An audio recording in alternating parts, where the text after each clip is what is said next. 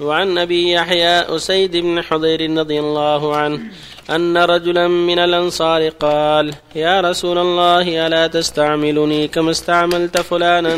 فقال إنكم ستلقون بعدي يثرة فاصبروا حتى تلقوني على الحوض.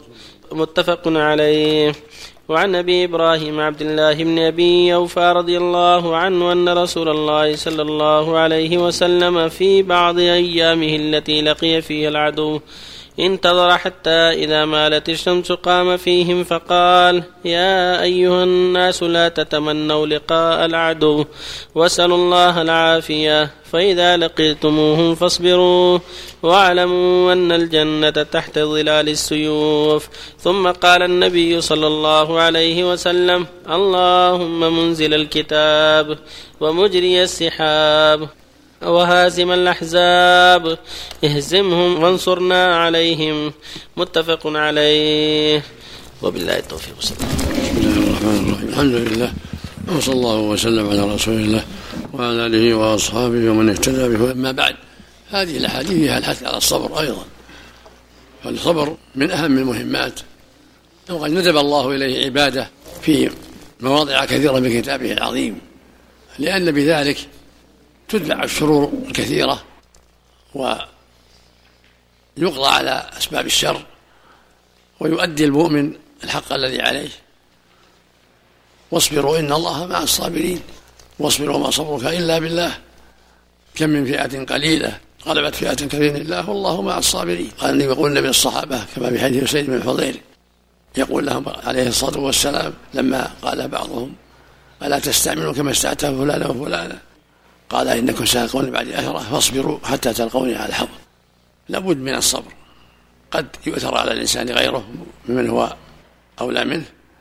قد يبتلى بمرض قد يبتلى بتلف مال قد يبتلى بتلف قريب إلى غير هذا.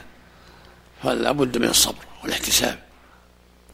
ويقول عليه الصلاة والسلام عجبا لأمر المؤمن إن أمره كله له خير إذا أصابته ضراء وصبر فكان خيرا له. وإن أصابته سر أو شكر فكان خيرا له وليس ذلك إلا للمؤمن. فالمؤمن من شأنه الصبر على ما أصابه سواء في ماله أو في نفسه أو في غير ذلك. لا بد من الصبر.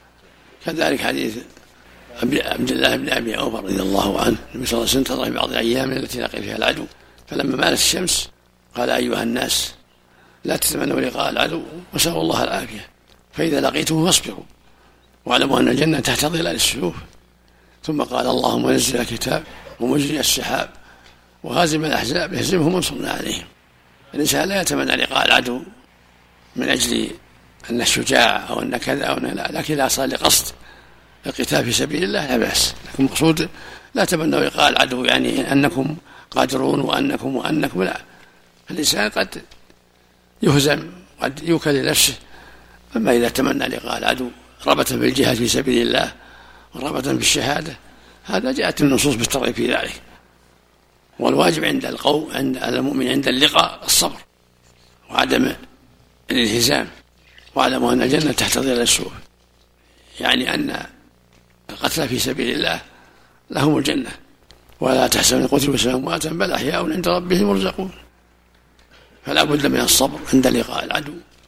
ولا بد من الصبر في كل الأمور التي أمر الله بها من صلاة وصوم وصدقة وغير ذلك. ولا بد من الصبر في الانكفاف والحذر مما حرم الله. يقول عمر رضي الله عنه وجدنا خير عيشنا بالصبر. ويروى عن علي رضي الله عنه قال الصبر من الإيمان بمنزلة الرأس من الجسد. ثم رفع صوته فقال ألا لا إيمان لمن لا صبر له.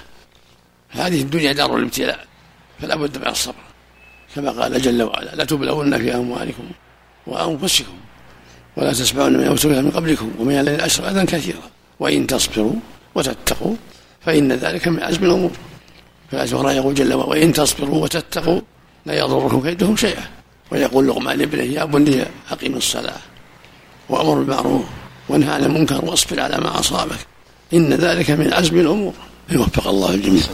اللهم صل على المقصود بالعدو هل يطلق على المسلم أم على المقصود جهاد الكفار يعني. لا العدو عند الاطلاق الكفار. ما يكون لو شخص عاد على شخص. لا العدو الكفار عند الاطلاق الكفار. أحسن الله عمل هو العدو فاحذرهم. اللهم صل على أحسن الله عملك. قال الله تعالى يا أيها الذين آمنوا اصبروا وصابروا ورابطوا واتقوا الله لعلكم تفلحون. آه، المصابرة هذه وش هي؟ على الحق؟ مصابرة العدو. إيه؟ على العدو؟ مصابرة اصبر وراء الرباط؟ المصابرة مصابرة الغير المتعدية. الرباط والرباط لزوم الثغور لزوم الثغور للدفاع عن المسلمين والتقوى عامة يدخل فيها الصبر وغيره الله أكبر. الله عملك ما يطلق عليه مثلا عادي في الدين احسن الله عملك؟ العدو عند الإطلاق العدو الكافر وما العداوة اللي بين الناس هذه عداوة خاصة قد تكون لشحناء قد لأسباب أخرى من مواريث أو غيره هذه عداوة خاصة أمرها أسهل. أحسن الله عملك.